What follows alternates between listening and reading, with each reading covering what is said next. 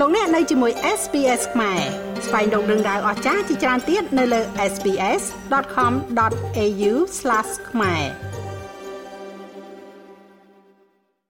ក្រសួងសុខាភិបាលបានប្រកាសនៅថ្ងៃទី23ខែកុម្ភៈថាមានករណីជំងឺផ្ដាសាយបាសីចំនួន1ករណីប្រភេទ H5N1 កើតទៅលើកុមារីម្នាក់អាយុ11ឆ្នាំ6ខែដែលមានទីលំនៅ ក្នុងភូមិរលីង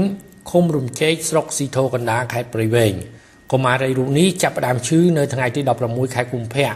ដោយមានរោគសញ្ញាគ្រុនក្តៅរហូតដល់39អង្សាសេព្រមទាំងមានក្អកនិងឈឺបំពង់កក្រោយមកទទួលការព្យាបាលក្នុងភូមិមិនធូរស្រាល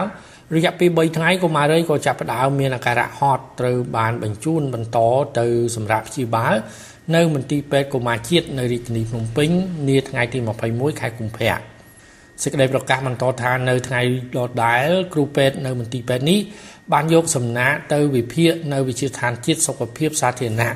ហើយទទួលបានលទ្ធផលនៅថ្ងៃទី22ខែកុម្ភៈបញ្ជាក់ថាវិជ្ជមានវីរុសផ្ដាសាយបាសី H5N1 ចំណែកឯកុមារីរូបនេះក៏បានបាត់បង់ជីវិតនៅថ្ងៃទី22ខែកុម្ភៈឆ្នាំ2023និងបានធ្វើបុណ្យសពតាមប្រពៃណីនៅភូមិខាងលើ តាមការសាកសួរនៅក្នុងបឹងអភិរក្សក្បែរភូមិដែលក្រុមគ្រួសារកុមារីរូបនេះរស់នៅ មានសត្វព្រៃងាប់ជាច្រើនខុសប្រក្រតី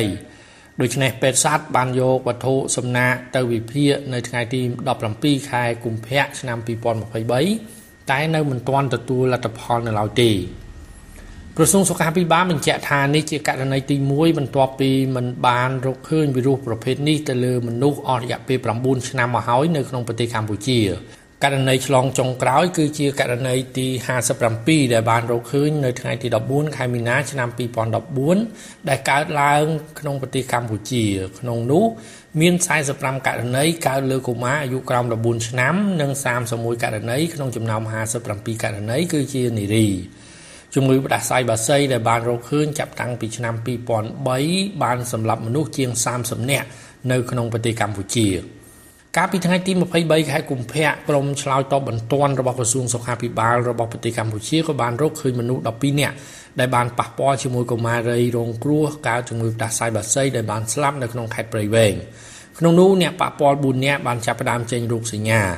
នេះបើតាមលោកស្រីយកសម្បត្តិរដ្ឋលេខាធិការក្រសួងសុខាភិបាលដែលបានដឹកនាំក្រុមការងារចុះទៅកន្លែងផ្ទុះជំងឺផ្ដាសាយបាសីនៅខេត្តព្រៃវែង